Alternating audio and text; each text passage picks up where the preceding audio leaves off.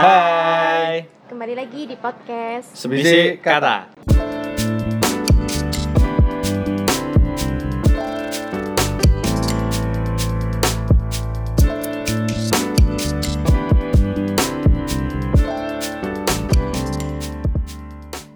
Jadi, hari ini kita akan membahas tentang cerpen.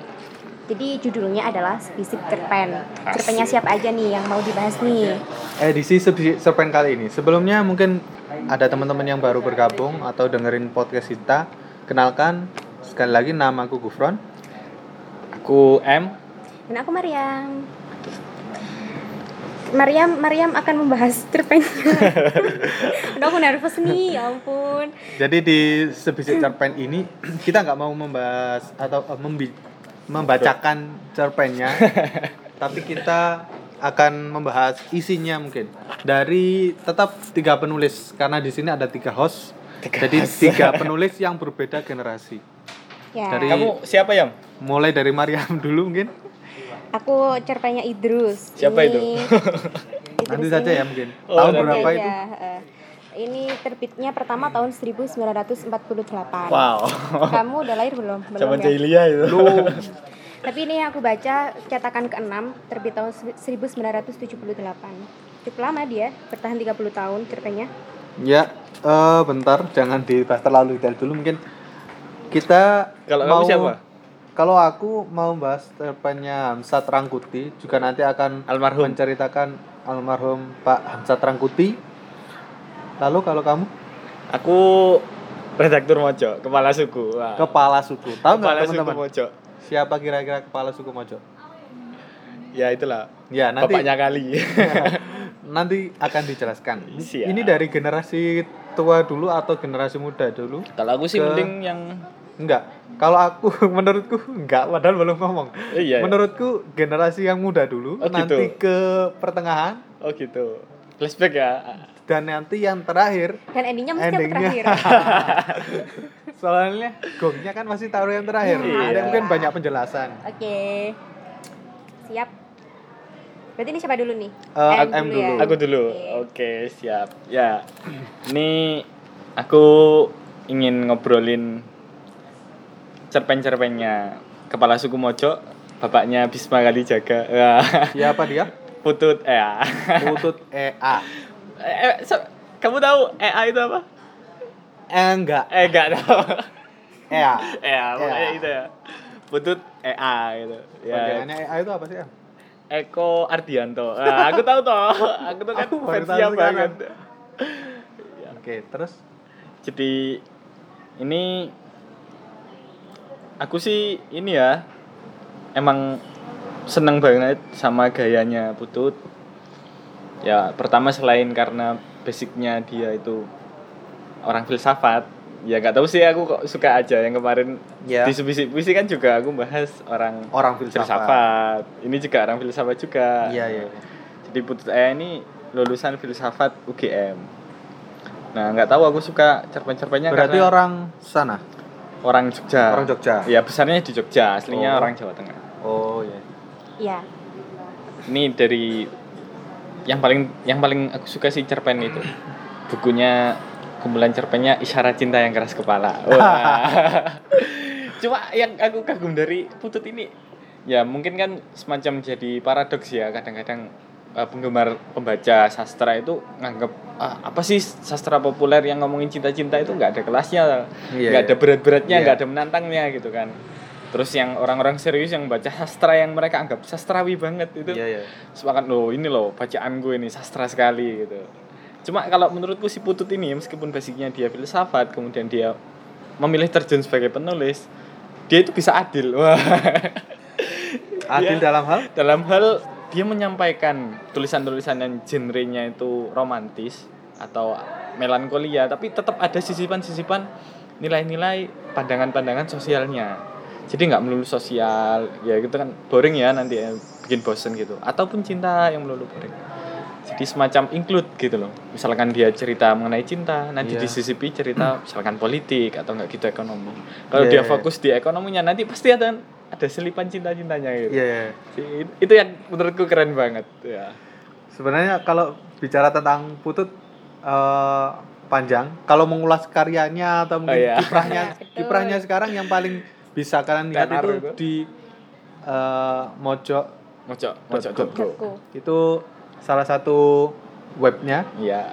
Salah satu atau ada yang lain? Ada yang lain, dia selain punya eh, semacam media massa dan dia sebagai kepala sukunya, dia juga punya web web pribadi ya, pututea.com. Oh iya sih, benar. Tapi yang eh, teman-teman ketahui sekarang generasi milenial Oh iya. itu mungkin kan di web mojo.co. Iya. Terlebih ke sebelum nanti disampaikan kita mengulas mungkin profilnya dulu. Eh, di di web Mojo itu banyak ilustrasi ilustrasinya. Kalau di Tirto itu kan tentang Tirto. Tirto kan Tirto.id. Tirto.id. Tirto. Itu kan banyak eh, mengulas sebuah berita dan disertai infografik yang Ya, based Bagus. data banget Oh, gitu iya, loh. iya. Datanya itu kuat banget. buat researchnya itu kuat. Ya. Terus kalau di Mojo ini lebih mengandalkan ke tampilan visual. Kayak setiap eh, tulisannya itu disertai dengan ilustrasi. Itu mungkin memang keunikannya dari kepala sukunya sehingga membuat web seperti itu. Iya. Dan itu benar-benar menarik generasi milenial, generasi milenial. Hmm. Menarik kita pembaca muda untuk tertarik membaca tulisan-tulisan yang bersifat konyol tapi kritis Ya. disampaikan ringan tapi sebenarnya itu yang disampaikan berat. berat. Iya, satir banget gitu loh. Satir. Satir banget. Oke, ini langsung apa mau Oh ya ngobrolin langsung putut? silakan aja. Ada lagi? Oh iya. Ini langsung aja ke bukunya eh, deh. Ya. Iya. Cerpennya apa tuh? Ini bukunya itu buku kumpulan cerpennya Isyarat Cinta yang Keras Kepala. Pertama terbit itu 2004 dan ini yang aku Cetakan baca di cetakan ke 5 tahun 2017. Kita membelinya kan bareng ya. ya? Oh iya. Mumpung ya, pas gitu. paketan. Oh iya. Eh, FYI karena di Mojo situ kan iya. banyak paketan-paketan buku yang murah-murah di tanggal-tanggal tertentu. Iya. Jadi momen-momen tertentu. Momen-momen momen tertentu, tertentu iya. itu belinya itu eh, lebih banyak kita nggak beli satu tapi bisa lima buku langsung Iya. lebih banyak diskonnya. Ya buat teman-teman yang mungkin suka nyari itu ya. Jadi promosi? Oh, gitu ya. Kita kan nggak dibayar Oh, iya. Ya barangkali aja podcast kita didengerin. Ya biar gitu mereka banyak banyak Masukin juga yang gitu. membaca gitu kan. Nggak, eh. Nggak cuma dengerin dari kita. Terus Ini buku Isyarat Cinta yang Keras Kepala ini isinya 15 cerpen dan nggak ada kata pengantarnya ya. Jadi buat teman-teman yang misalkan kepo gimana sih gaya penulisnya Putut eh ya baca sendiri sampai selesai. Mungkin itu kenapa dia kok nggak tulis kata pengantar. Iya, Secara iya. garis besarnya kan nggak Iya. ditulis. Ya satu persatu dibaca gitu. Cuma kalau menurutku sih keseluruhan dari 1 sampai 15 judul ini backgroundnya emang Putut Ea, kemudian dan kawan-kawan segenerasinya emang masih reformasi sentris. Artinya yang diulang, yang diulik, yang ditulis, yang disuarakan melalui tulisan-tulisannya, melalui cerpennya itu pasti hubungannya pasti ada di era-era reformasi itu. Jadi buat teman-teman yang mungkin udah bosen baca era reformasi secara faktual dan data banget, nah ini secara sastra ini barangkali ya oke lah. Salah satu rekomenku mungkin ya dari bukunya Putut-Putut ya. Mungkin kalau- kalau orang-orang dulu atau mungkin orang tahun 80-an mereka paham banget tentang reformasi tapi eh, anak-anak yang lahir setelah tahun setelah tepatnya setelah 98 Iya. bracket 98 atau mungkin anak 2000-an sekarang itu mungkin terkait reformasi terkait apa-apa sejarah-sejarah yang pernah terjadi di Indonesia itu lebih cuek lebih cuek. atau mungkin media menggambarkannya itu kurang menarik mungkin ya. Iya. Padahal bagi sebagian orang yang mungkin sekarang sudah bekerja atau di usia dewasa, orang-orang yang mengalaminya itu sebuah pengalaman yang takkan terlupakan. Momen Heroik juga momen sih. heroik. Walaupun ya. meletusnya mungkin di Jakarta, tapi eh, mahasiswa-mahasiswa terutama yang mungkin di kampus-kampusnya masih menekankan tentang kekuatan mahasiswa. Artinya mahasiswa itu sebagai agent of change. eh, eh, sebagai katalisatornya Wes. Kepemerintahan atau mungkin kebijakan. Jadi itu mungkin masih kuat dan mungkin yang eh, pemahaman-pemahaman tentang era-era seperti itu mungkin pada anak-anak yang organisasi saja. Ya, anak sebenarnya itu. himpunan atau apa. Kalau yang nggak suka berorganisasi, Curhat, Bang. mungkin ya mengakses informasi itu ya lihat video-video dulu dan mungkin itu sangat sedikit atau mungkin kita nggak tertarik lah untuk ke sana. Nah, mungkin ini dari bukunya Putut ini diceritakan seperti itu. Oke, siap. Ya sebenarnya eh meskipun tajuk bukunya itu isyarat cinta yang keras kepala, ya mungkin isinya itu lebih banyak ke pergulatan politik era reformasi gitu ya. Kalau menurutku sih gitu. Jadi banyak sekali isu-isu yang diangkat oleh Putut termasuk isu ketimpangan perekonomian di era itu, kemudian tumbuhnya kekuatan-kekuatan politik yang kecil ini diceritakan di judulnya itu sebuah peristiwa tentang kematian. Nah, ini keren ini. Termasuk nanti ini ada pembunuhan misterius itu. Jadi ada Ini kita kayak review antologi ya. Oh, Oh gitu iya, ya. Satu aja. Satu yang aja. Iya, maksudku satu cerpen kita angkat gitu aja Hmm. cukup. Siap. Mau Ya, itu aja deh. Itu itu tadi cuma Ya. intro ya. Selama. Ya, itu aja sebuah peristiwa tentang kematian itu. Iya. Jadi di cerita ini si Putut menulis mengawali dia sebagai tokoh aku sudut pandangnya pertama dan diletakkan sebagai tersangka tersangka kasus Pembunuhan. bukan semacam apa ya makar tindakan makar untuk meruntuhkan pemerintahan Iya. dia dari elemen politik yang kecil yang sebenarnya itu bahu membahu bersama oposisi yang menumbangkan pemerintah era 98 Iya. akan tapi ada pengkhianatan di sana ketika teman oposisinya itu berkuasa malah kelompoknya putut ini dijadikan kambing hitam Hmm, iya. Kemudian di cerita ini dihadirkan sosok lain yang memandang kematian itu sebagai suatu yang tidak lagi mengerikan. Sama-sama narapidana terbunuh mati. Cuma eksekusinya lebih dulu si temannya Putut ini, si temannya aku. Iya. Ya, si temannya aku. Setelah si temannya aku meninggal, barulah si tokoh aku ini bertanya kepada sipir, gimana temanku tadi matinya? Baru kali ini saya melihat kematian itu yang tidak menyedihkan. Nah, akhirnya si tokoh aku ini Wow. ingin mati seperti itu. Ya tidak ada penyesalan ya. Kalau emang besok mati ya, ya tinggal mati aja. Kita nggak perlu menyalahkan diri kita karena aku dulu begini begini begini akhirnya jalan hidupku berakhir seperti ini. Dan mereka ya- malah bangga. Iya. Aku ya mensyukurilah apa yang sudah bisa aku kerjakan walaupun di mata orang-orang itu aku jelek. Tapi ya menurutku ini kepuasan sendiri. Dan kutipannya di sini toh jikapun nanti ada hari pembalasan, aku pasti yakin Tuhan itu memberi balasan yang baik buat aku. Wah, Ya. itu kan Hmm, pede banget ya dia. ya, mungkin karena itu. orang-orang yang dulu ber apa aktivis di era reformasi mungkin memang seperti itu ideologinya Iya, ideologinya emang mengakar ingin banget. melakukan sesuatu yang terbaik untuk negeri karena mungkin banyak terjadi hal yang tidak semestinya Hmm, kalau kalau membahas seperti itu nanti melebar sejarah, ke mana-mana ke sejarah Oh, iya. lagi.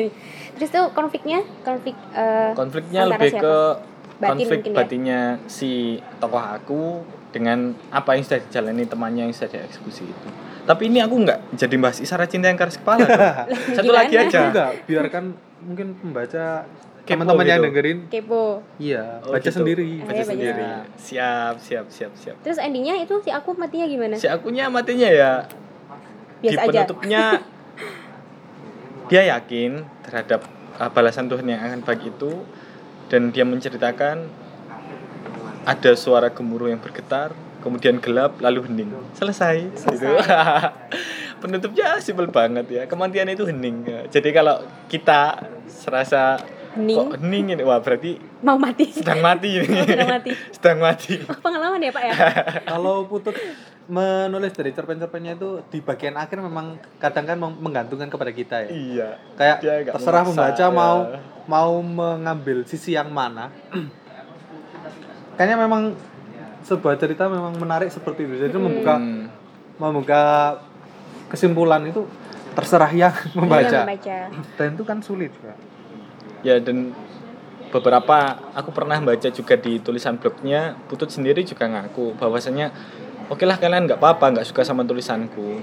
Toh emang aku tipe penulis yang berantakan artinya dalam susunan alur maupun dalam penokohan Putut itu sering mencampur aduk bereksperimen itu. Jadi ya nggak masalah kalau kalian suka sama penulis-penulis konvensional artinya selalu pakem dengan apa yang harus ada di cerpen Nah kalau putut gak disukai ya nggak apa-apa, toh nanti setiap tulisan akan menemukan pembacanya sendiri. Wah asik. Dan itu jadi ciri khasnya dia. Iya, gitu. Berani mem, itu ya mendobrak konvensional. Gaya-gaya satirnya itu pasti kerasa kalau putut itu. Tuh. Oke. seorang putut ini dari cerpen-cerpennya yang lelaki apa keluar malam Lelaki keluar dari dalam rumah. Ya itu kan itu masuk itu masuk novel atau cer- kumpulan cerpen Itu kan dua sudut pandang kan ya, satu-satu itu. Kalau menurut sih itu novel. walaupun novel tapi dia mengemasnya seperti cerpen Oh gitu. jadi Nah, kalau kita ini. baca eh, bobotnya kan ada petunjuknya kita mau membaca yang ganjil dulu terus Atau yang- menyelesaikan yang genap atau terserah. ya. atau membaca ganjil genap ganjil genap terserah. Ya. atau membaca dari belakang ke depan terserah. Gila. Novel seperti itu. Tapi aku menyebutnya kayak wujudnya seperti cerpen. Tapi itu novel karena berhubungan semuanya. Tapi baca satu bab itu bisa dikatakan sudah melengkapi gitu.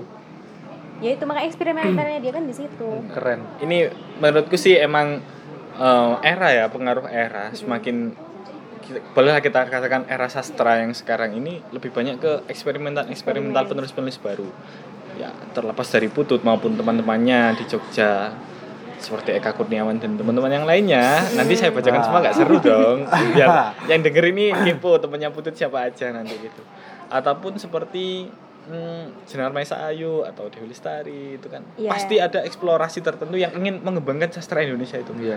Ya. kita sebenarnya menarik juga ya kalau kita membahas tentang masa kuliahnya Putut Eh, itu bersama bagus itu ya, bersama ya. siapa biar tahu ini Putut siapa sih kalau Oh, mungkin yang gitu. belum tahu tahunya kan Eka Kurniawan gitu kan Ah, ya iya, iya.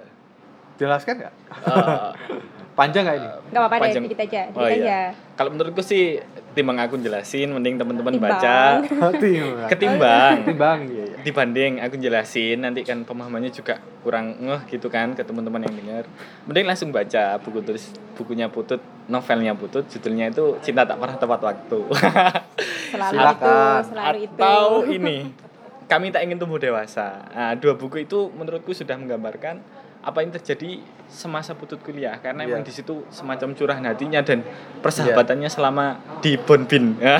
Kafe Bonbin UGM itu legend itu. Terus dia kan pernah juga menulis cerpen itu pengalaman dia bersama teman-temannya yang judi. Ah, iya, pengalamannya iya, dia iya. judi itu kita kan tahu ya kayak interpretasi atau mungkin anggapan orang tentang judi kan sebuah hal yang buruk tapi Putut menuliskan di cerpennya itu sesuatu yang menyenangkan. Ya. ada makna-makna di balik judi-judi itu.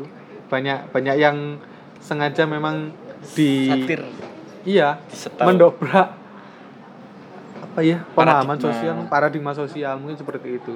Ya. judi itu menyenangkan tapi tahu nggak judulnya apa itu? Lupa aku. Para bajingan yang menyenangkan. Ah, itu. Oh iya iya. Judul menceritakan teman-temannya keren. Terus ini lanjut apa? Kayaknya kalau menurutku sih emang eh, penulis era era terkini era kekinian khususnya kalau aku boleh ngasih brand ya era reformasi itu memang pengaruhnya di dunia sastra kita itu melalui cerpen-cerpennya mereka sedang eksperimental. Dia ingin mencoba sesuatu yang baru menghadirkan sesuatu yang baru yang belum pernah dihadirkan di era sastra sebelumnya. Iya. Iya, makanya dalam betul. beberapa kritik sastra yang ditulis oleh Maman S Mahayana. Hmm. ketika Maman itu menggunakan pakem sastra lama dan diterapkan untuk mengkritisi penulis muda Nggak yaitu bisa. nggak bisa. Emang sudah beda era. Kalau aku sih gitu. Mungkin yang seera dengan Maman S Mahayana kayaknya Ini. Hamzat Rangkuti ini ayo gup. Wah, sudah sikat. selesai. Udah Kita kalau aku itu aja. Baik kita lanjut ke tokoh yang kedua atau cerpen yang kedua. Ya teman-teman sebenarnya kita minta maaf karena kita rekamannya di tempat di mana kita biasa bertemu atau mungkin kita mudah Bercengkrama. ditemukan Kita sekarang ada di kampus Universitas Negeri Malang. Kampusnya kedua orang teman kita ini, M dan Kolbi. Saya sebagai tamu di sini, sebagai duta dari UB. Jadi ya sorry ya, ya? kalau ada pamer ya? sponsor. Jadi kalau ada sponsor, kalau ada orang lewat, mm, kendaraan lewat, jadi mohon maaf karena kita juga belum atau nggak punya studio ya mungkin nanti ada para pendengar yang yang memfasilitasi. iya, ya. memfasilitasi. Oke lah nggak apa-apa. Jadi apa adanya ya. Yang penting yang penting jalan. Jadi kita menjelaskan tentang Hams saya menjelaskan tentang Hamsat Rangkuti. Eh, Hamsat Rangkuti ini adalah seorang cerpenis. Dia mendedikasikan dirinya sebagai seorang sastrawan yang fokus banyak karya-karyanya itu dari cerpen. Dia banyak membuat kumpulan-kumpulan cerpen. Eh, cerpen pertamanya itu sebuah nyanyian di Rambung Tua. Itu dia buat ketika dia menyaksikan seorang buruh karet.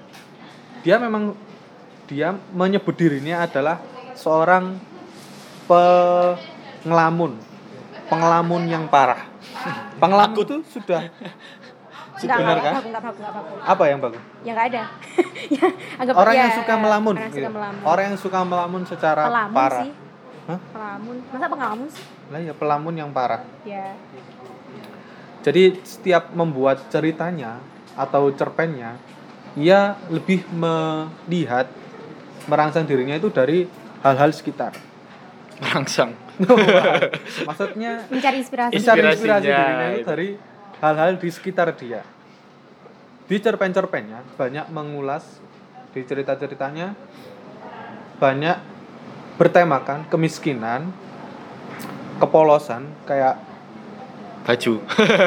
bukan hal yang kalau reformasi kan tadi seperti memang orang-orang yang penting saja Iya. kan.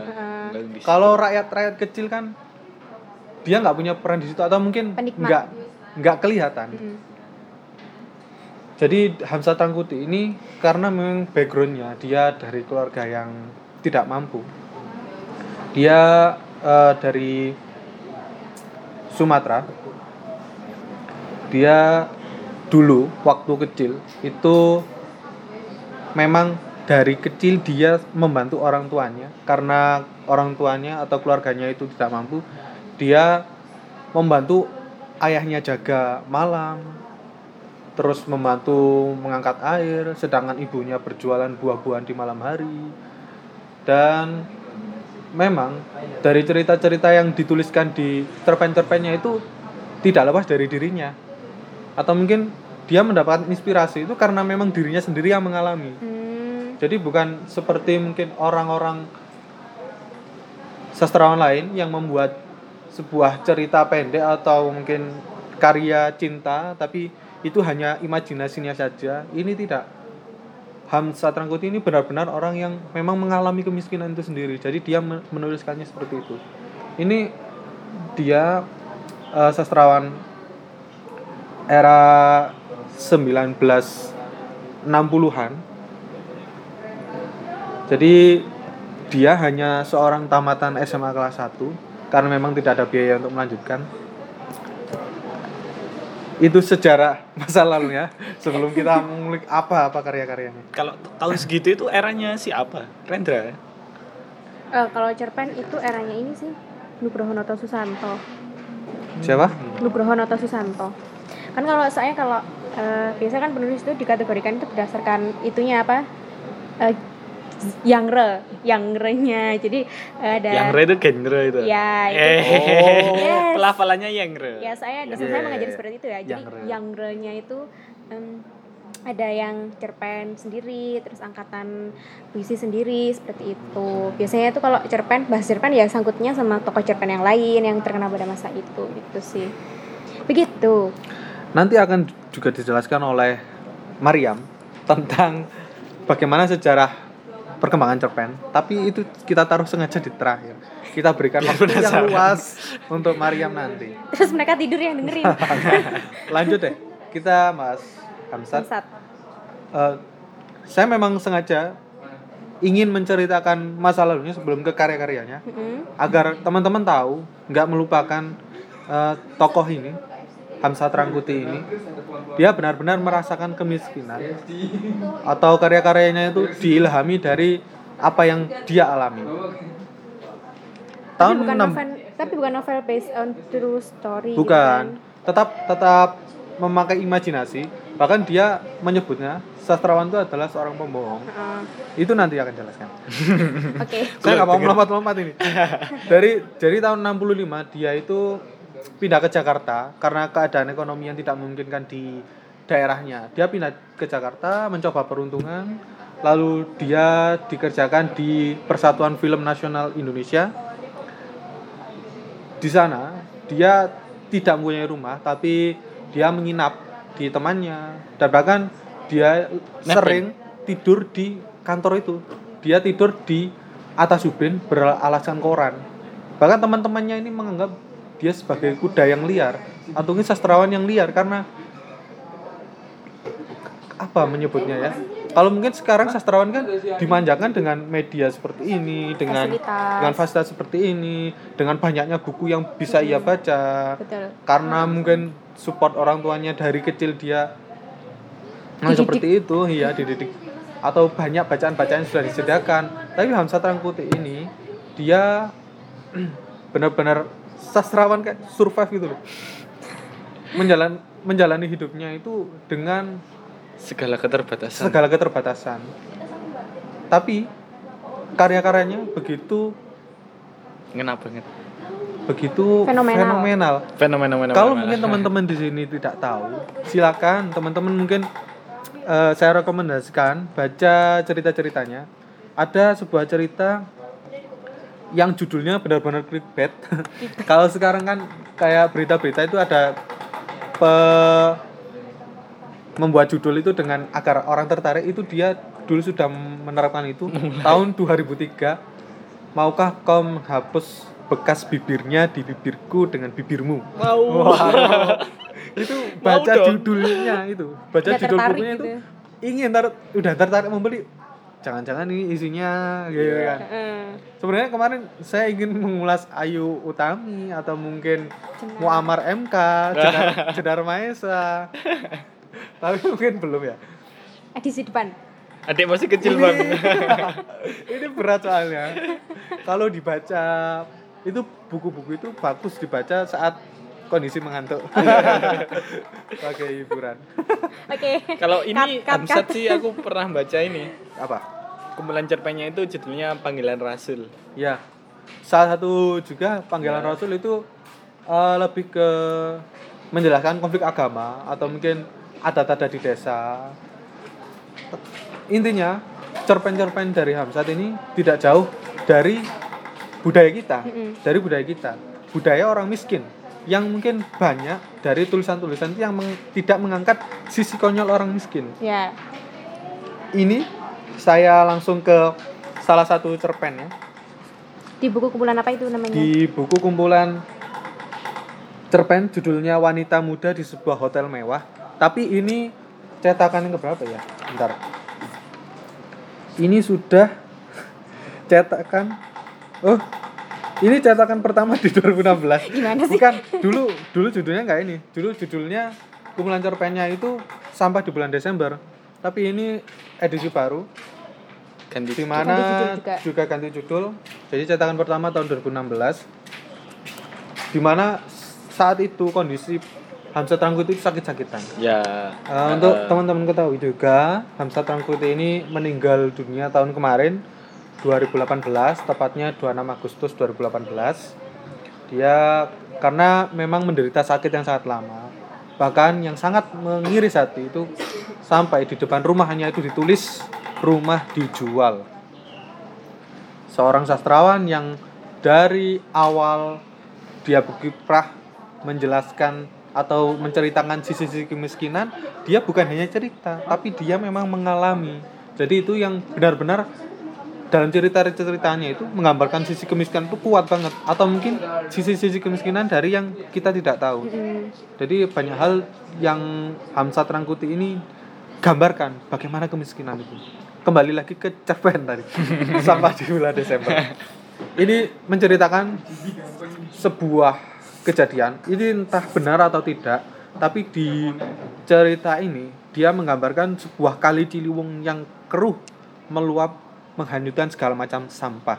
Dia Hamzat kalau menggambarkan sesuatu yang remeh itu sangat detail. Bahkan kita mungkin sering mengabaikan ya kalau kita melihat sebuah sungai yang kotor misalnya kita hanya apa mungkin kita terfokus pada aliran sungainya sampah kotornya. Tapi Hamzat Rangkut ini benar-benar menjelaskan sisi lain. Dia tidak mulu-mulu menggambarkan itu.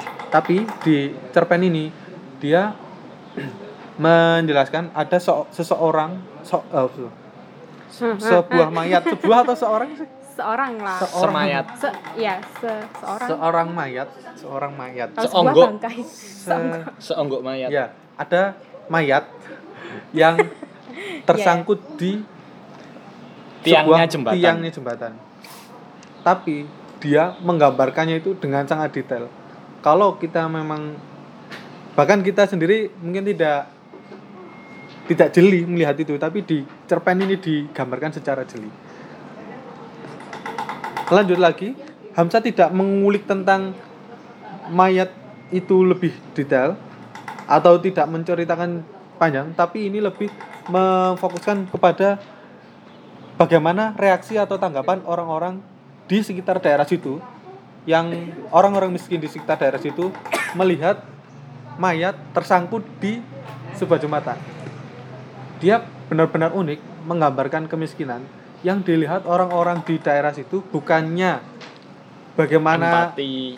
bagaimana dia mat atau mungkin eh, bagaimana nanti menolongnya tidak tapi orang-orang di daerah situ terfokus pada gigi mayatnya karena dia memakai gigi emas berarti mayatnya itu itu dong Kayak. tersenyum gitu kan Tersenyum. Iya, jadi malah orang-orang di sekitar situ itu melihat mayatnya itu melihat harta bendanya dia dia nggak peduli tentang mayatnya. Yang penting harta bendanya ini buruan diambil. Mm-mm. bahkan dia ada menggambarkan kekonyolan o- orang-orang daerah situ ingin berebut mengambil harta yang ada pada tubuh mayat itu. Suruh nyuruh anak kecil ayo sana cari tali cari apa pun tali jemuran. Tapi anak kecil itu tapi jemuran itu masih masih masih basah. Sudah tidak apa-apa kamu tidak ingin ada Dapat- emas ini dapat emas ini bagaimana dia menggambarkan kekonyolan orang-orang kekonyolan Saking orang-orang miskin miskinnya. ini benar-benar sangat satir melihat orang mati dia orang-orang itu se- seakan nggak peduli seakan nggak peduli jadi watak-watak di toko itu yang penting adalah hartanya masalah mayatnya itu terakhir yang penting hartanya, Hartanya kita dulu. dapatkan dulu ya seperti Iya, itu Ketika kemanusiaan ditindas ekonomi. Wah. dijarah gitu ya jadi Iya. Dan itu gimana itu? Terus mayatnya diambil Tapi- apa ada petugasnya? tapi di cerpen ini banyak hal yang lucu jadi hal yang hal yang sebenarnya tragis ketika kita melihat seorang mayat menyangkut di jembatan Akhirnya di tiang jembatan tapi kita malah dibawa atau merasakan cerita ini lucu karena orang-orang miskin ini berebut harta itu tadi iya iya heeh. Nah, di novel-novel yang lain, eh di novel, Di cerpen atau cerita yang lain, dia membahas tentang bagaimana kemiskinan itu orang yang mencari kerja. Terus kalau ini judulnya tadi wanita muda di sebuah hotel mewah, ceritanya ini ada seorang anak usia 16 tahun, dia menjual dirinya di sebuah hotel mewah. Hmm, Wanita muda ini anak 16 tahun. Dia menjual dirinya, bagaimana caranya ia mendapat harga tertinggi. Jadi dari mulai nilai 25.000, dia kan meminta jasa eh, petugas hotelnya untuk menjajakan dirinya. Dari mulai harga 25.000 sampai 300.000. Akhirnya dia eh, mau melayani seseorang semalam suntuk. Esoknya dia kembali ke rumah, ibunya bertanya, "Ke mana kamu semalam penuh kemarin?" aku mencari uang, aku menjual diriku. Lalu yang unik dikatakan di sini, eh yang disampaikan atau pesan tersiratnya, Hamzat, Hamzat ini berbicara tentang bobroknya moralitas. Di ini salah satu dialog tokohnya, siapa yang tidak menjual dirinya saat ini? Jadi, siapa yang tidak menjual dirinya saat ini, Ibu? dia menjelaskan ke ibunya seperti itu anak 16 tahun tadi cerdas berarti ya semua orang telah menjual dirinya iya lebih ke karena saking Sindiran. miskinnya saking miskinnya siapa sekarang yang tidak menjual dirinya? Karena semua orang mau jadi pembeli. Jadi di novel ini lebih banyak tentang tawar menawar anak enam- umur 16 tahun ini. Dan akhirnya deal dan akhirnya uang tadi dibuat untuk ibunya berobat. Wah. kemiskinan. Menjual harga dirinya menjual kemiskinan harga dirinya untuk menebus kemiskinan atau menebus obatnya tadi. Nah itu cerita-cerita Hamzat kurang lebih seperti itu. Tapi banyak cerita-cerita yang mungkin nggak nggak miris cuma lucu. Tapi itu mengangkat di budaya-budaya lokal. Di panggilan Rasul tadi juga banyak cerita-cerita yang menjelaskan kearifan lokal. Seperti itu. Itu aja. Terus eh, tadi kan sempat disinggung majalah Horizon. Eh ya Hamzat kan pernah jadi tim rednya kan? Iya, Hamzat pernah menjadi tim pimretnya Majalah Horizon selama 16 tahun. nah berarti tuh harusnya kaya loh dia harusnya Nah, itu yang aku nggak riset ke mana ke mana kekayaannya ke mana selama ini? kekayaannya. Sampai-sampai di di umur tuanya dia me- apa terkena penyakit, sakit-sakitan dan harta bendanya dijual sampai rumahnya pun ter- ditulis rumah dijual. Dan ini mungkin saya akan membacakan satu puisi dari Denny JA yang ditujukan kepada Hamzat Rangkuti Hmm, karena dia mungkin miris atau mungkin prihatin dengan kemiskinannya seorang sastrawan. Boleh saya bacakan? oh ya silakan Oke. gratis Judulnya Pejuang di Masa Tua. Kepada Hamzat Rangkuti. Iya, saya Hamzat. Ya. Denny Jaya. Khusyuk sekali bocah itu berdoa di rumah ibadah hanya ditemani air mata. Ya Tuhan, kabulkan doa. Jangan buat aku tua dan tak punya dana. Bocah itu baru berjumpa seorang pejuang di masa tua menggigil di pojok sana. Pucat wajah, penyakitnya menganga, tiada dana, tiada peduli padanya. Dalam sekali doa itu bocah, Ya Tuhan, lakukan apa saja, tapi jangan buat aku tua dan tak punya dana. Bocah itu terbuka mata, hidup di negeri tercinta, menjadi tua dan tak punya dana. Itu neraka. Jasamu di masa muda ditukar obat tiada bisa. Karyamu di masa muda hanya menjadi sejarah. Ini era lain masa. Terus saja berdoa itu bocah. Jika kau mengasihiku ya Tuhan, jangan buat aku tua dan tak punya dana. UUD 45 dibaca oleh bocah. Pasal 34 memang indah. Fakir miskin dipelihara negara. Tapi mengapa pejuang tua itu menderita? Sementara ratusan kepala daerah, puluhan anggota DPR, menteri dan pejabat negara sedang berkekeh, sedang terkekeh di penjara. Pesta pora membagi dusta. Bocah mendengar berita menguap uang triliun rupiah. Ada yang begitu kuasa, disentuh hukum tak bisa. Bocah menuntaskan itu doa. Ya Tuhan, kulakukan apa saja, asalkan jangan buat aku tua dan tak punya dana. Bocah itu pulang ke rumah, dibelinya racun serangga, tersembunyi disimpannya, ia membuat rencana. Jika ia tetap tua dan tak punya dana, ia akan meminum racun serangga. Buk miris ya miris. Miris, Kamu mau miris. minum racun serangga beneran? Ini benar-benar mengusik. Ini tadi dijelaskan bahwa kita sedikit membahas puisi lagi ya. Ini dijelaskan tentang apa ya? Karyamu di masa muda, jasamu di masa muda ditukar obat tiada bisa. Heeh, benar-benar boleh Lalu karyamu di masa muda hanya menjadi sejarah ini era lain masa. Mungkin memang karya-karya yang dulu tidak diangkat sekarang. Jadi sekarang mungkin milenial lebih menyukai karya-karya yang populer terbaru atau populer. Sedangkan karya-karya dulu juga bagus. Mm-mm. Tapi karena memang tidak ada yang mengangkat, tidak ada yang memperkenalkan, mereka juga tidak tahu atau mungkin tidak mau tahu. ya Jadi mungkin seperti itu. tapi sekarang banyak kok aku lihat di toko-toko buku eh, enggak di toko-toko buku sih kayak beberapa penerbit itu meng mencetak ulang karya-karyanya Hamzat kayak tadi itu kan baru dicetak Iya, ulang 2016 2016. dan kayaknya itu sebagai bentuk wujud baktinya mereka gitu kali ya Iya. wujud terima kasih ya ke Hamzat ada yang lain lagi yang ingin disampaikan tentang Hamzat? Em, Kalau aku sih pas dengar ceritanya Hamzat ini keinget itu Jalan Sunyi seorang penulis itu. Katanya katanya siapa? Lupa aku.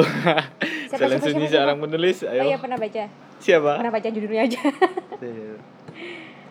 Muhyiddin M Dahlan Oh, itu. iya. Ya. Aku Terus tahu. membaca, terus menulis, terus bekerja, bersiap hidup miskin. Niscaya kau tidak berpikir bunuh diri secepatnya. jadi kayak emang kalau di negara kita ini kayaknya jadi penulis itu ya keren ya, nekat banget. Eh, nekat sebuah sekarang- keputusan. Iya sih. Tapi kayaknya itu juga kan yang dulu sempat eh Terelie bukan yang menggugat oh, honorium. pajak Ah. honor pajak penulis sampai akhirnya ben- dibentuk backcraft itu kan sebenarnya juga untuk menyikapi ke apa ya Sejahteraannya. untuk sebagai sikap untuk menangani kemelaratan para sastrawan ini mungkin. Karena kalau kita lihat kan nggak ada sastrawan yang kaya ya kecuali kayak Dewi Lestari gitu beda lagi gitu udah. Kalau yang dulu dulu sih kayaknya nggak ada. Hmm, ya. Karena dulu memang mengandalkan honor dari mengirim tulisan di koran, iya. majalah atau mungkin penjualan bukunya nggak seberapa. Makanya teman-teman yang dengerin habis dengerin podcast ini baca buku-buku ya. dan jangan beli Kita- buku palsu Oh ya, Iya. kasihan Beli, banget itu. Lebih baik beli buku yang diskonan. Ya, Daripada- ketimbang yang beli paket palsu. atau apa daripada beli yang palsu. Ya. Karena yang palsu juga belum tentu itu dananya itu masuk ke penulis. Jangan-jangan cuma masuk ke percetakan saja yang Iya. nyetak malsukan itu.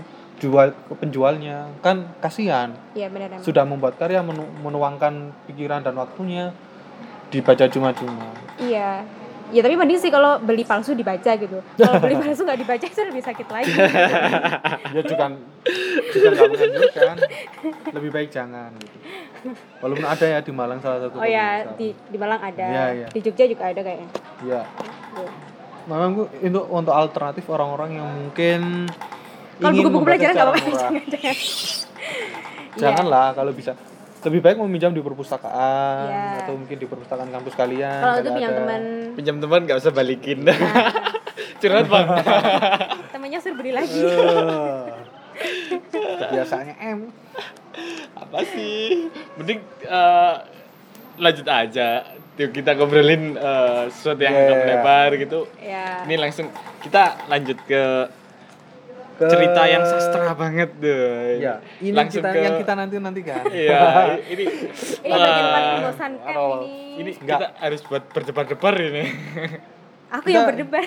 kita berbicara sastra itu enjoy saja jangan seperti di seminar-seminar atau mungkin Debat pilpres. di perkuliahanmu keren nggak kalau ke kamu mencari sastra atau ngantuk mungkin ya ngantuk soalnya dosennya juga nggak ganteng sih. ah ini Nggak kalau face aku- oriented ini Iya, soalnya ya kan kalau dosen muda gitu kan enak dipandang gitu. oke lanjut saja Aja ya. iya karena ini di EM loh Oh ya, sorry Pak, maaf ya kalau mendengarkan. orangnya denger Eh, jadi aku nih tadi udah di awal udah aku sampein aku mau Siapa? bacain Idrus. Idrus. Siapa Idrus itu? Aku loh baru pernah denger ini. Aku juga baru denger ini. Eh, Ya, jadi emang aku nggak begitu mendalami cerpen sih iya kajiannya. Jadi aku Ya kan kamu mendalami aku. Ah, bisa aja. mendami Jadi aku bersifat browsing-browsing. Idrus itu jadi emang sastrawan yang dulu bisa dikatakan dia pelopor cerpen di Indonesia gitu. Tapi dia itu nggak begitu dikenal dan cer- cerpennya pun sekarang tuh sulit ya di- dicari. Aku aja kemarin bukan sulit dicari maksudnya kita sulit dapetin buku yang original aku aja kemarin tuh cari di perpus perpus fakultas aku tuh nggak ada padahal di kataraknya ada sebel kan akhirnya stop sih Let it flow. Let it go. Let it go. Let it go. Sorry banyak noise. nah nah nah nah nah nah nah Sabar lur. Set. Mungkin suaranya lebih keras ya. Lanjut. Jadi ah- jadi jadi akhirnya jadi akhirnya eh, aku nemu PDF-nya. Untung aku nemu PDF itu. Jadi aku akhirnya bisa baca. Tuh, se- soal Idrus nanti aja lah dibahas belakangan profilnya. Ini eh, aku bacain ulasan cerpennya dulu. Jadi, aku baca salah satu kumpulan cerpen dari antologi cerpen yang judulnya Dari Ave Maria ke Jalan Lain ke Roma. Ini cerpen Idrus yang paling terkenal sih menurut aku. Dan dia bertahan bisa sampai 30 tahun ini waktu itu tapi nggak tahu ya sekarang masih dicetak ulang apa enggak Iya. Tuh, ya jadi ada tokoh namanya Zulbahri. Nah, dia itu hidup pada masa penjajahan Jepang. Ini ceritanya tentang konflik percintaan sih sebenarnya. Jadi Roma. si eh, jadi si Zulbahri ini dia nikah sama namanya Wartini. Eh ternyata Wartini itu belum bisa move on dari adiknya Zul sendiri ya namanya Syamsul Bahri. Nah, gitu. Adiknya. Adiknya sendiri loh ya. Aduh. Nah, jadi ceritanya itu akhirnya si Zulbahri ini merelakan si Wartini untuk menikah sajalah dengan Adik. Syamsu Bahri gitu. Wow. Padahal saat itu mereka udah pernikahannya mereka itu udah berjalan beberapa bulan gitu. Akhirnya si Zul ini ke merantau keluar dari Jakarta. Dia kan tinggal di Jakarta. Jadi dia keluar ke- dari Jakarta terus dia mencari pekerjaan segala macem Akhirnya dia itu setelah merantau akhirnya dia ingin pulang kan ceritanya. Dia kangen sama Wartini eh pas pulang ternyata Wartini udah hamil sama Syamsu Bahri. Dia, dia kan nggak mau ini nih nggak mau ganggu. Akhirnya si Zul ini heeh, bingung dia. Jadi kayak compang camping pakainya udah nggak pernah makan nggak pernah apa gitu. Padahal ceritanya si. Zulbahri ini penulis ceritanya dia penulis yang cukup produktif dan dikenal oleh banyak orang gitu kan tapi begitu mengetahui kenyataan cintanya kandas wes cintanya kandas Iya. cintanya kandas saya dia compang camping gitu ke mana-mana cuman eh, pandangan kosong sampai akhirnya dia bertemu sebuah keluarga keluarga di depan rumah gitu Ya di kampung yang sama. eh, eh, di Jakarta daerah Jakarta Oh, di gitu. Jakartanya, heeh. Terus dia di waktu mampir ke rumahnya itu dia tuh nemu majalah-majalah mungkin pada saat itu tuh majalah majalah pergerakan kali ya zaman Ya Jepang era-era Iya. Jepang dulu kan. Mm, majalah-majalah gitu akhirnya setelah dia baca majalah itu dia kayak dapat pencerahan gitu Hidayah. pencerahan akhirnya setelah dia baca-baca majalah dia itu meninggalin meninggalkan surat ke keluarga itu suratnya itu intinya dia pamitan dia mau pergi dia mau ikut eh, pergerakan yang namanya barisan Jibaku Oh, barisannya Jepang waktu itu yang dibentuk Jepang itu. Heeh, waktu itu yang dibentuk Jepang jadi dia ikut barisan Jibaku akhirnya dia setelah itu udah nggak pernah muncul lagi di keluarga itu dan nggak pernah terdengar kabar sama sekali itu sih endingnya jadi sama Loh. endingnya terbuka gantung Endingnya begitu. Heeh. Gantung banget ya. Gantung. Tapi aku tuh era Idrus ini lebih dulu mana sama eranya Hamka? Eh, Idrus eh Id- Idrus ya? Hamka- iya Idrus Soalnya kan eh, kalau menurutku sih mungkin teman-teman kan yang dengar juga sudah tahu toh yang udah di filmin itu tenggelamnya kapal Van der Wijk. Iya. Oh, Kayaknya enggak. hampir sama itu apa? Arah ceritanya itu loh. Kalau Idrus ini kan tahun 1940-an. Jadi dia Hmm. sastrawan angkatan 40-an. Oh. Dan ini novel yang memang eh, cerita pendek. eh, antologi cerpen yang dikumpulkan sejak tahun 1942 sampai 1945. Jadi di Wow. di Tahun-tahun perjuangan ya. Mm-mm, Iya, emang tahun-tahun perjuangan. Tapi kayaknya kalau tenggelamnya kapal itu tahun-tahunnya Buya Hamka. Tahun-tahun Balai Pustaka itu. Iya, tahun-tahun Balai Pustaka. gitu. Eranya ya hampir hampir sama ya kayaknya. Ya sama sih, sa- sama sebenarnya. Cuman Aku- mungkin Iya. Jadi kan karena periodisasinya itu dibagi ya. Jadi awalnya itu cerpen itu muncul dibawa oleh sastra peranakan Cina. Jadi emang kan sastra-sastra kita itu sebenarnya dipelopori oleh peranakan Cina, puisi, cerpen segala macam. Salah satu tokohnya siapa itu? peranakan Cina. Iya. Ini ada eh bentar, nyontek. Enggak aku tulis sih. Jadi di Iya, lanjut. gini aja, di sastra peranakan Cina ini ada tokoh Indonesia nama Melayu yang sempat muncul di tahun 1928 itu 20-an. namanya Muhammad Saleh Umar. Nah, ini dia salah satu pelopor cerpen di Indonesia. Tapi waktu itu masih bentuknya masih kayak fantasi banget gitu loh. Jadi ada kata syahdan, Oh, alkisah iya. kayak gitu. Nah, itu. Ah.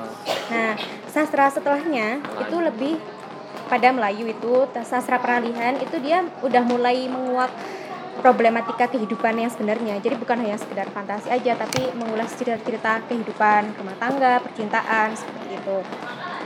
Nah, akhirnya muncullah Balai Pustaka itu yang itu kan eh, sebuah penerbitan yang emang mewadahi sastra-sastra Indonesia dan beberapa nama kan muncul di situ. Tuh, termasuk juga eh, Idrus ini kan bukunya antologi ini tuh diterbitkan oleh Balai Pustaka. Tahun. Itu tahun ini tadi udah aku bacain. 1948. Ya. Itu.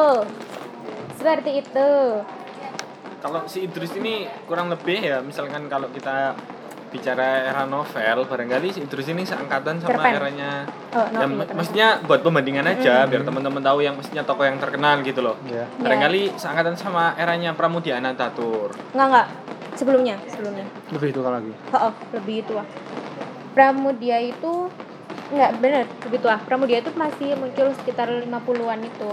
60-an atau mungkin.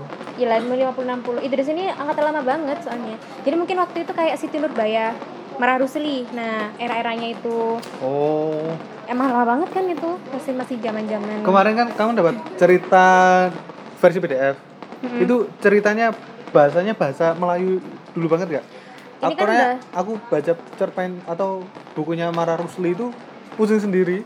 Berapa Ah. baru beberapa halaman itu udah kok bahasanya kayak gini Dan aku itu baca sampai selesai loh itu sangat-sangat melelahkan gitu.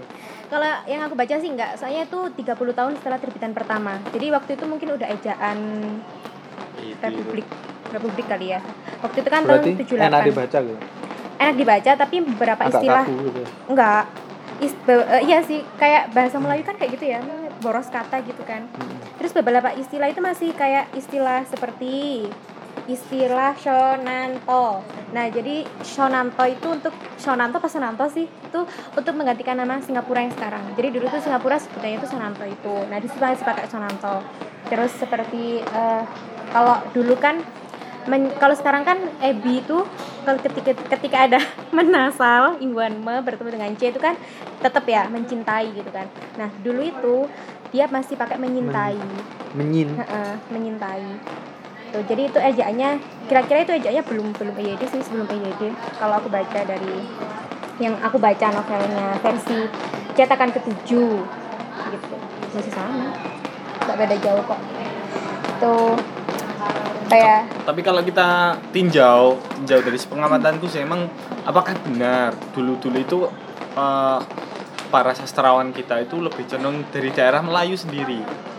Maksudnya dari daerah Sumateraan gitu loh, sebelum Iya, akhirnya. Jawa sentris. Kalau si Idris ini orang mana? Itu kan nanti juga berpengaruh ke perkembangan sastra Iya. dulunya gitu kan. Belum riset ya? belum riset Ya ya, mungkin nih teman-teman Iya, yang dari- denger gitu.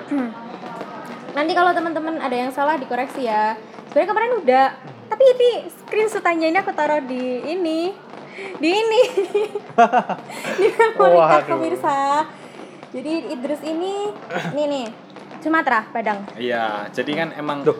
bolehlah kita generalisasikan kalau kenapa dulu penggunaan bahasa Melayu ya, emang sastrawannya orang-orang sana dulu yang lebih mengenal uh, tulisan-tulisan sastra itu emang perkembangannya ya dari arah Melayu dulu baru nanti ke Jawa sentris. Dan kalau sekarang kan kita lebih ke Jawa, Jawa. sentris ya. Barangkali ya nanti atau era 30 tahun 40 tahun ke depan nanti bakalan banyak tulisan-tulisan yang uh, Sulawesi dari Sulawesi dari Nusa Tenggara. nah bisa jadi bisa jadi Tadi kan saya juga menjelaskan tentang Hamsat, dia kan juga dari Sumatera. Nah, itu jadi emang kalau dulu kan emang perta- pertama kan sastra Indonesia itu dibawa oleh penanakan Tionghoa itu kan, dan diperkirakan itu kan ke Melayu dulu. Jadi habis dari Melayu kan yang paling deket kan mungkin daerah Sumatera gitu ya. Jadi peradabannya itu lebih Ah. cepet. Terus kayak penulis-penulis eh, siapa yang kayak Anafis Eh, kayak eh. gitu. terus sebelum itu kan juga banyak sastrawan-sastrawan Islam yang sempat muncul. Ya Buya Hamka itu kan juga Buya Hamka. eh, termasuk salah satu orang Melayu, orang Minang ya istilahnya sastra-sastra Minang itu waktu itu emang lebih banyak berkembang sebelum akhirnya ke eranya Putut di Jawa sentris ini. Iya. Putut timbang lagi. Mungkin eh, perkiraan saya ke depan ini nanti sastrawan itu bakal muncul Dari seperti timur. dari timur. Ini yang kemarin aja menang eh, sayembara novel DKJ itu Iya. itu dari Nusa Tenggara Timur juga. Iya. Oh. Kemudian kita tahu Aan Mansur juga dari Indonesia Timur, dari Iya. Sulawesi ya. Seperti itu ya. Ya, Putu Wijaya juga mulai ada ya dari Bali. dari Bali sampai ke timur. Berarti itu. bisa dikatakan sekarang perke- perkembangan literasi atau sastra Meluas. mungkin itu merata. Ah, ah, merata. Karena mungkin dulu orang-orang timur atau mungkin mungkin memang keterbatasan Akses aksesnya atau mungkin di sana literasi sangat kurang gitu. atau kurang manusianya kali ya. terekspos. Sebenarnya ada, cuma era ini belum terekspos, belum sampai terekspos ke sana. Iya. Ya, Sudah ada gitu. seperti. Kita kayaknya perlu memang melakukan riset, maksudnya riset kecil-kecilan. Ya, Baik. terus lanjut ya. Lanjut. Eh, ini kalau bicara perkembangan cerpen sejarah sedikit aja sih ini dari buku-buku yang aku baca terus ini pertama muncul pertama itu ada tahun 2000 eh, 1928an setelah Sumpah Pemuda itu ada Dong Dong Pangrewong karya GS Nah, jadi itu dulu ada kan kalau dulu sastrawan itu anonim anonim gitu kan, nggak suka Iya. yang namanya Bahkan sampai sekarang pun gitu. masih ada yang sastraan Heeh. anonim itu, penulis-penulis anonim itu. Ada namanya GS itu yang menulis Dong Dong Dong Pangrewong. Itu cerpen ya. Terus tahun 1938 itu penerbitan Balai Pustaka eh, yang mempel- mempelopori itu adalah Muhammad Kasim, M Kasim itu yang menulis teman duduk tuh. Terus berkembang, berkembang. Akhirnya hingga kemunculan Idrus yang dianggap memperbaiki mutu cerpen. Jadi emang Idrus ini bisa dibilang pelopor sih. Pelopor untuk kemajuan cerpen yang dari itu dari itu tadi dari yang temanya fantasi banget sampai akhirnya kembali ke tema realitas sosial seperti itu. Lalu cerpen itu tumbuh subur pada tahun 1950-an. Eh, terus lanjut hingga akhirnya muncul majalah-majalah sastra seperti Horizon, Kompas itu pada tahun 80-an. Majalah Bobo enggak termasuk ya? Nanti dibahas di sastra anak. Oh, sastra lagi. anak. Siap, siap, siap, siap, siap. tuh, Ada sendiri. Barangkali nanti kita akan mengulas sastra anak itu. Oke, boleh. Oke. Di sini Nantikan. di sini kita kayak kuliah Ini kuliah 6 semester loh. Hasilnya kuliah 6 semester. karena ini pengetahuan baru bagi aku yang basicnya bukan sastra lebih banyak memasukkan dulu ke kepala ketimbang merespon nah kayaknya seru Eh, walaupun tampak membosankan Iya. Aku aja bosen loh yang kuliah. itu tidak perlu kita hafalkan banget Enggak. setidaknya kita pernah mengetahui atau Eh, membaca karya-karyanya gitu Ya itu apresiasi kita lah. yang Apresiasi tadi kita. dibacakan tentang Idris tadi saya itu dari tadi kepikiran Apa? cerita apa atau novel apa ya cerpen apa yang konfliknya itu sama seperti itu dia seorang makanya itu saya ing- ingat-ingat dari tadi apa ya ceritanya tentang seseorang yang merantau juga merantau terus dia mau kembali ternyata kekasih yang dicintainya itu sudah sudah memadu kasih dengan yang lain akhirnya dia menggelandang atau kembali ke perantauannya untuk mengadu nasib lagi dan melupakan benar-benar melupakan. Tapi bukan Idris yang menulis. Iya ya. makanya saya kok jangan-jangan penulis sekarang penulis sekarang itu referensinya atau konflik-konfliknya itu juga berkaca dari eh, cerita-cerita dulu. Ya itu cuma aku dikemas dan di diceritakan lagi dengan caranya. Jadi seakan-akan menjadi sastra populer. Mm-mm. padahal itu kayaknya sastra karya-karya dulu. Kayaknya makanya tadi kok duh kayak pernah tahu padahal ini eh, seorang penulis yang baru aku tahu kayaknya. Nah, ya itu emang kan kayak gitu. Jadi kan kalau dulu kan konvensional banget ya. Maksudnya zaman dulu tuh cuma dibahas cuman percintaan, terus konflik-konflik sosial. Rumah nggak- tangga eh, barangkali nggak gitu. begitu kritis sih kalau aku baca-baca juga novel-novel Hmm. seperti itu juga kawin paksa kayak gitu kan. Nah, tapi eh, ketika tahun 2000-an, nah mungkin setelah era reformasi kali ya, itu mulai muncul kan seperti Ayu Utami yang mendobrak feminisme. gitu. Hmm, Nah, iya, itu iya. baru banyak cabang-cabang tema konflik-konflik yang diangkat kayak gitu. Jadi kalau zaman dulu kita baca juga pasti temanya rata-rata percintaan, entah Hmm. dikemas kayak apa. Seperti Sano Gumira itu kan sebenarnya kan tema percintaan yang dikemas eh, kayak apa itu? Yang itu loh, Apa? yang ada amplopnya itu. Apa itu ya apa judulnya? oh iya iya iya, iya. Apa? Kok Eh, itu senja, senja. Alah. Sepotong senja untuk pacarku. Iya, cie. Ya itu recommended banget kawan ya. Nah, Sepotong senja untuk pacarku. ya sekarang kan ada amplopnya itu kan. Iya, kalau bukunya itu ada. Eh, gitu. nah itu. Penasaran kan? Baca sendiri dong. Beli gitu. Banyak kok Nah. di mana-mana itu. itu kan sebenarnya juga konflik percintaan kan cuman itu dikemas dengan ada kritik sosialnya juga tulis-tulisannya itu terus itu lebih eh, tema besarnya atau mungkin banyak diceritakan tentang percintaan percintaan sosial dan penjajahan sebenarnya ini terus Iya, dari penjajahan penjajahan. sih kalau dulu eh, penulis-penulis era 40-an lebih banyak tentang penjajah Penjajah Jepang. Jepang, Belanda masih sebenarnya kita membaca cerita-cerita dari penulis yang beda generasi kita juga bisa mengetahui bagaimana latar Masa, zaman dahulu era. masa-masa zaman dahulu bahkan karena cerpen ini atau tulisan cerpen atau novel itu penulisannya lebih detail daripada buku sejarah karya-karya artikel-artikel atau jurnal-jurnal lain Ya. mungkin gambarannya itu lebih terasa atau lebih bangkit di cerpen atau novel. novel Ya, jadi saran buat teman-teman yang dengerin, selain kita baca buku sejarah, Baca baiknya novel. juga kita iya. karena di situ kita juga belajar sejarah Iya, kita setidaknya nggak mau kita tahu mau latar gitu. sebuah daerah Ah. bagaimana di tahun itu bagaimana konfliknya di tahun itu bagaimana masyarakatnya Iya benar. ya kan seperti itu Oke, Begitu. kira-kira ini ini kan kita tadi eh, membacakan cerpen dari seorang penulis yang memang pada eranya Tapi kan ada beberapa golongan sastra eh, novel ataupun cerpen yang orang tersebut tidak mengalami tapi mereka-reka atau berimajinasi. Tentang peristiwanya. Iya tentang peristiwa. Kan misalkan ada seorang penulis yang bercerita tentang eh Babat Tanah Jawa atau mungkin Majapahit. Ah, menceritakan tentang kerajaan-kerajaan zaman dulu. Itu kan sumber otentiknya itu mungkin dari serat-serat benar. atau mungkin dari relief-relief kan kebanyakan eh, data-data penting zaman dahulu itu kan dibawa Belanda iya benar. ke Leiden Betul.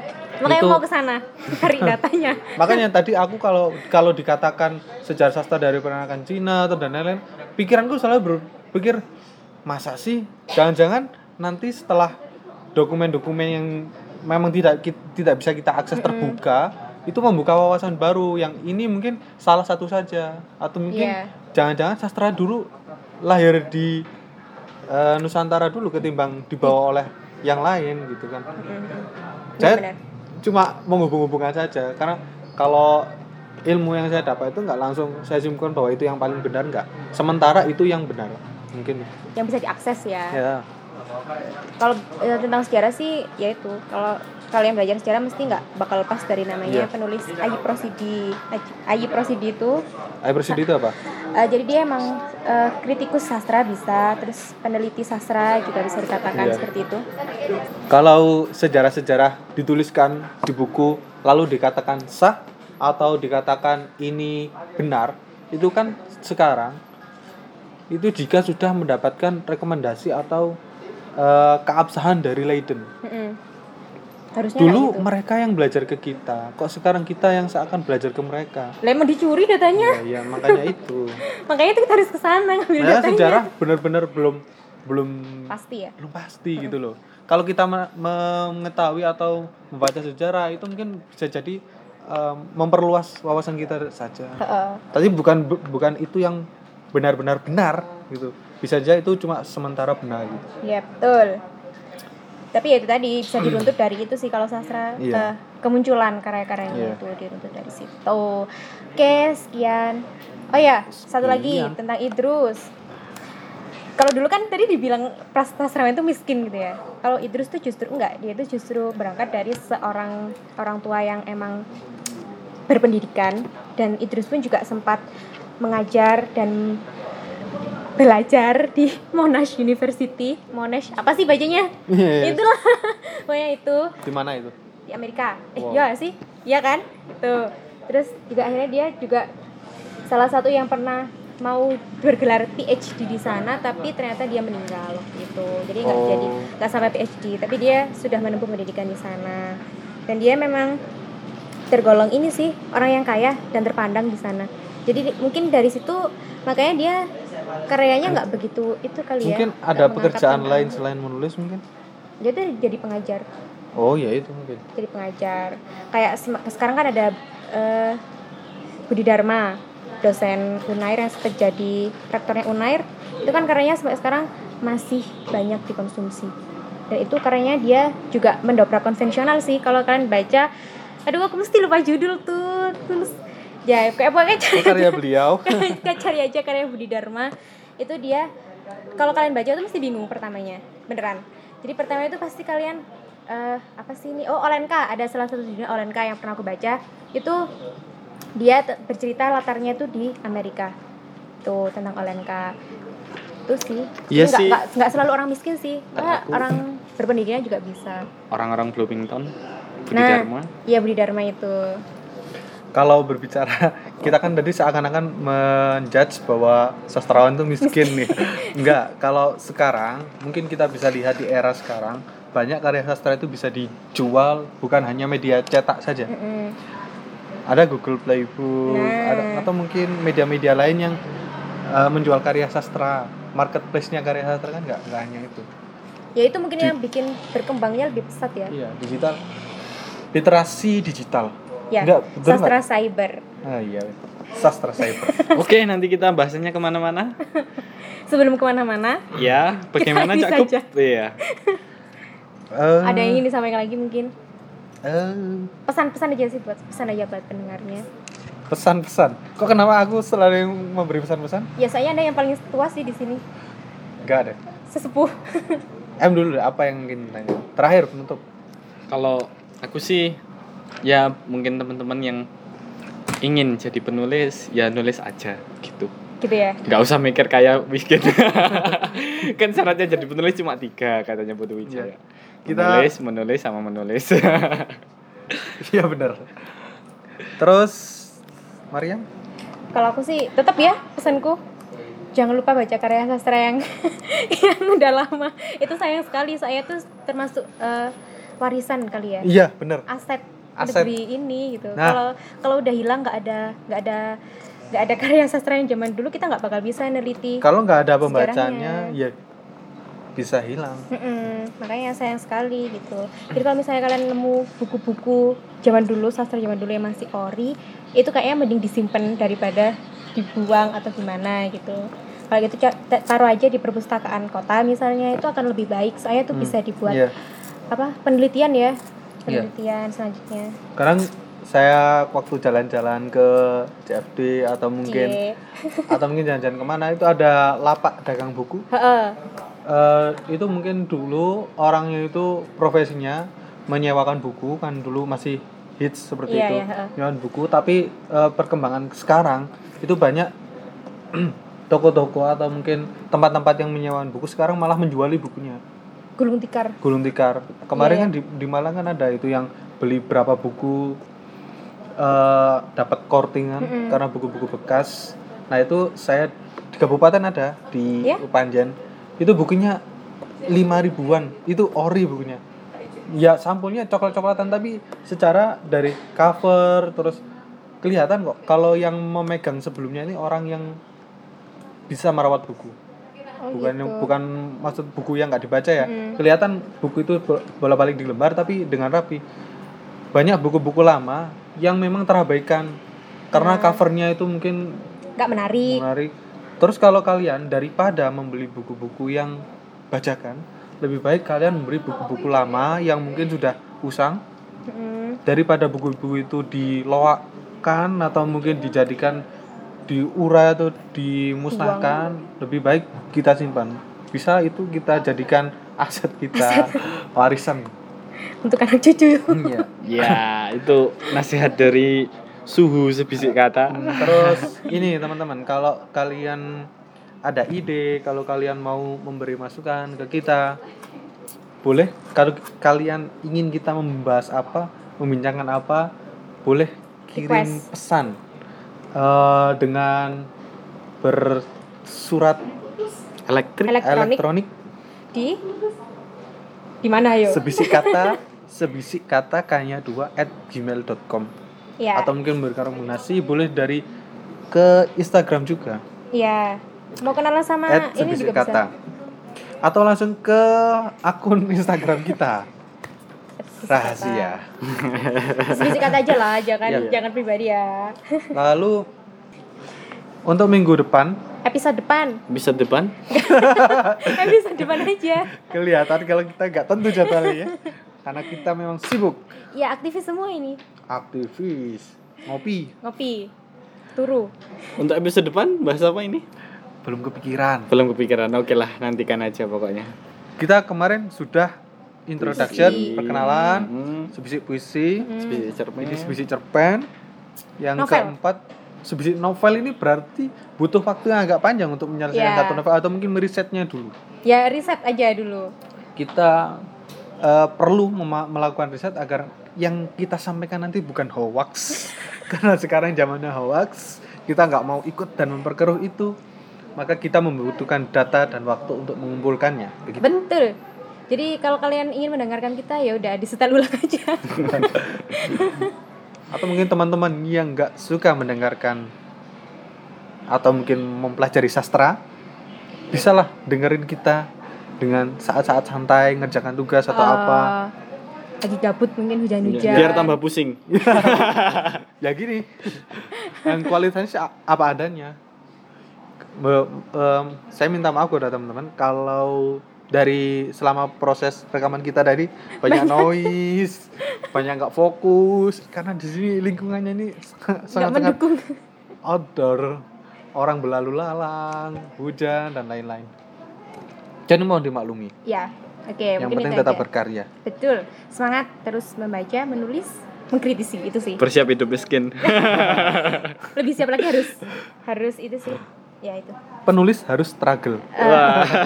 Harus bertahan hidup apa adanya. Baik, eh, kiranya itu saja podcast dari kita sebisik kata. Sampai jumpa, Jumpa. di episode Selanjutnya. Dadah. Dadah.